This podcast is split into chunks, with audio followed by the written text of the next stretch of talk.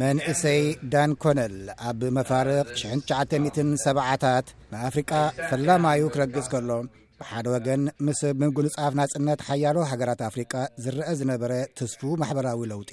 በቲ ኻልእ ኸኣ ኣብ ኣሜሪካ ንዘረኸቦ ገስጋሲ ምንቅስቓሳት ብቐረባ ክከታተል ኢሉ እዩ። ንኣይሽቱ ዝመስሉ ፍጻመታትን ክስተታትን ግን ንኣንፈት ጉዕዝኡ እናማእዘኑ እንሆ ሎሚ ን45 ዓመታት ዝጸንሐ ኪዳን ከም ዝፈጥር ገይርዎ ኣብ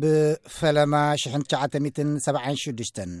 ምስታ ንኮነሌል ብሽኡ ገብረ ተኽለ ተመሪሓ ናብ ኣስመራ ዝኣተወት ቃፍላ ይኣትዩ ኣስመራ ምስ ኣተዉ ክራኸቡ ኣዒንቱ ኣውዲቕሉ ዝነበረ ኮሎኔል ብሽኡ ግን ብፈዳይን ህዝባዊ ግንባር ንጽባሒቱ ድሕሪ ምቕታሉ ኣስመራ እዋን እቶ እቶ ተኣዊጅዋ ንዳን ኮኔል መንፈሳ ዝሃደመት ከተማ'ያ ተቐቢላቶ እቲ ፈለማ ዝተቐበሎ ጽምሉው ገጽ ኣስመራ ግን ተስፋ ኣየቕረጾን። ዝበዝሕ ኣብቲ ምቁጽጻር ሰራዊት ሓርነት ኤርትራ ዝነበረ ቦታታት ደኣ ይኹን እምበር ክሳብ 202 ልዕሊ 15 ግዜ ተመላሊሱ ኣሎ። ክንድኡ ምምላስ ጥራይ ዘይኮነ ንኤርትራ ቃልሳን ህዝቢ ኤርትራ ዝሓለፎ መስገደልን ኣመልኪቱ ዛጊት ሽዱሽተ መጻሕፍትን ኣማኢት ዓንቀጻትን ጽሒፉ ኣሎ ዳንኮነል ኣብ ሓያሎ ኣህጉራውያን ማዕከና ዜናታት ብቐጻሊ እናጸሓፈ ንሰውራ ኤርትራ ዓለማዊ ኣፍልጦ ንኽረክብ መሪሕ ተራ ካብ ዝተጻወቱ ሓደ እዩ እቲ ካብ ሜዳ ናጽነት ዳሕራይ ድሕሪ ናጽነት ንኤርትራን ግስጋሰኣን ኣመልኪቱ ዝጽሕፎ ዝነበረ ዓንቀጻት ኣብ ክልተ ሽሕን ሰለስተን ከምኡውን ክልተ ሽሕን ኣርባዕተን ብኣሕታሚ ሬሲ ፕረስ ቶኪን ኦን ደ ሱፐር ፓወርስ ከምኡውን ቢልዲን ኒው ኔሽን ብዝብል ኣርእስቲ ብመጽሓፍ ተሰናዲኡ ኣሎ እታ ልዕሊ ኩለን ስሚቲ መጽሓፍ ዳን ኮኔል ግን ኤገንስት ኦል ኦድስ ክሮኒክል ኦፍ ደ ኤሪትርያን ሪቮሉሽን ብዝብል ኣርእስቲ ፈለማ ኣብ 993 ዳሕራይ ካልኣይ ሕታም ኣብ 997 ሕጂ ድማ ንሳልሳይን ነቲ ሕሉፍ ብሓድሽ ርእየት ዝጠመተን ሕታም ኣብ 221 ወፂኣላ እዛ መጽሓፍ ሰውራ ኤርትራ ማሕበራዊ ለውጢ ሕብረተሰብ ኣበጊሱ ከመይ ኣቢሉ ነቲ ቃልሲ ንናጽነት ኪንዮ መሰል ሓርነት ምጉንጻፍ ቃልሲ ንማሕበራዊ ፍትሕን ኩለንተናዊ ድንፍዐ ሕብረተሰብን ከም ዝገበሮ ብደቂቕ እትርእያ ዝሓለፈ ቀዳም 21 ነሓሰ 221 ኣብ ክሊቭላንድ ዝተሰምየ ህዝባዊ ቤት ንባብ ዋሽንግተን ዲሲ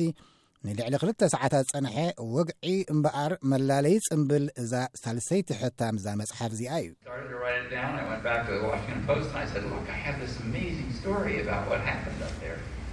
ኣብቲ ኣጋጣሚ ዳን ኮነል ምስ ኤርትራ ዘተኣሳስሮን ክንዲ ዝረሓቐ እንተኸደ እውን ወትሩ ዝመልሶን ኣጋጣሚታትን ምዕባለታትን እዩ ፈለማ ዘርዚሩ። ድሕሪኡ ካብ ተሳተፍቲ ዝመጾ ዝነበረ ሕቶታት ኣብ ምምላስ ይኣትዩ ካብቲ ብተደጋጋሚ ዝሕተቶ ዝነበረ ምስ ህዝባዊ ግንባር ሓርነት ኤርትራ ኣመና ዝጠብቐ ዝምድና ስለ ዝነበሮ ኣንጻር ተጋድሎ ሓርነት ኤርትራ መርገጺ ዝምልከት እዩ ነይሩ ዳን እቲ ነቐፌታ ከም ዝቕበሎ ድሕሪ ምንጋር ኣብ እዋኑ እኹል ግንዛበን ክመሚ ናይ ምኽኣል ዕድልን ከም ዘይነበሮ ብግልጺ ተዛሪቡ ድሕሪ እቲ ናይ መላለዪ ኣጋጣሚ ጋዜጠኛ ኣብርሃም ተስፋልኡል ከዘራርቦ ዕድል ገይሩ ነይሩ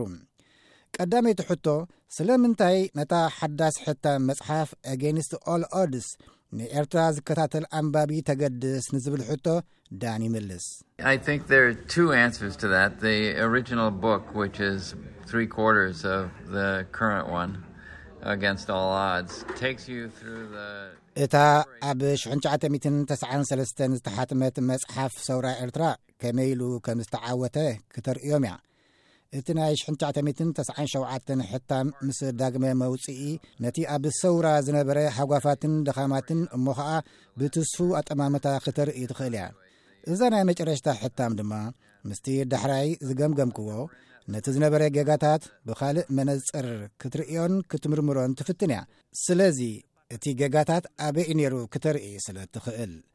ኣብዛ ናይ ዳሕራይ ሕታም ክሳብ ሚያዝያ ክልተ ሽሕን ዕስራን ሓደን ዝነበረ ኩነታት ብመንጽር ኣብ ክልል ትግራይ ዝምዕብል ዝነበረ ከይዲ ክትርኢ እትፍትንን ደራሲ ዝሓሸ መንገዲ ዝበሎ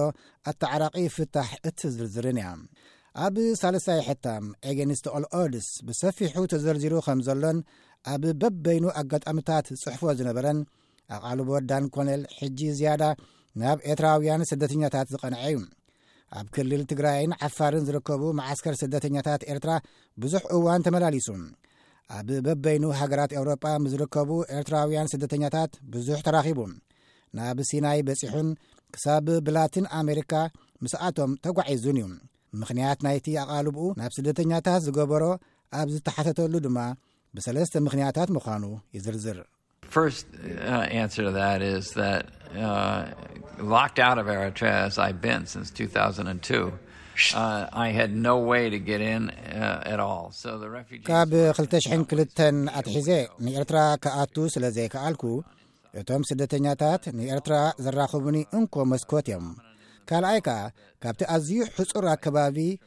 ፈንጺጎም ንኽወጹ ዘርኣይዎ ምብልሓት ትብዓትን ሓይልን ኣፍልጦን መጐስን ዘውህብ እዩ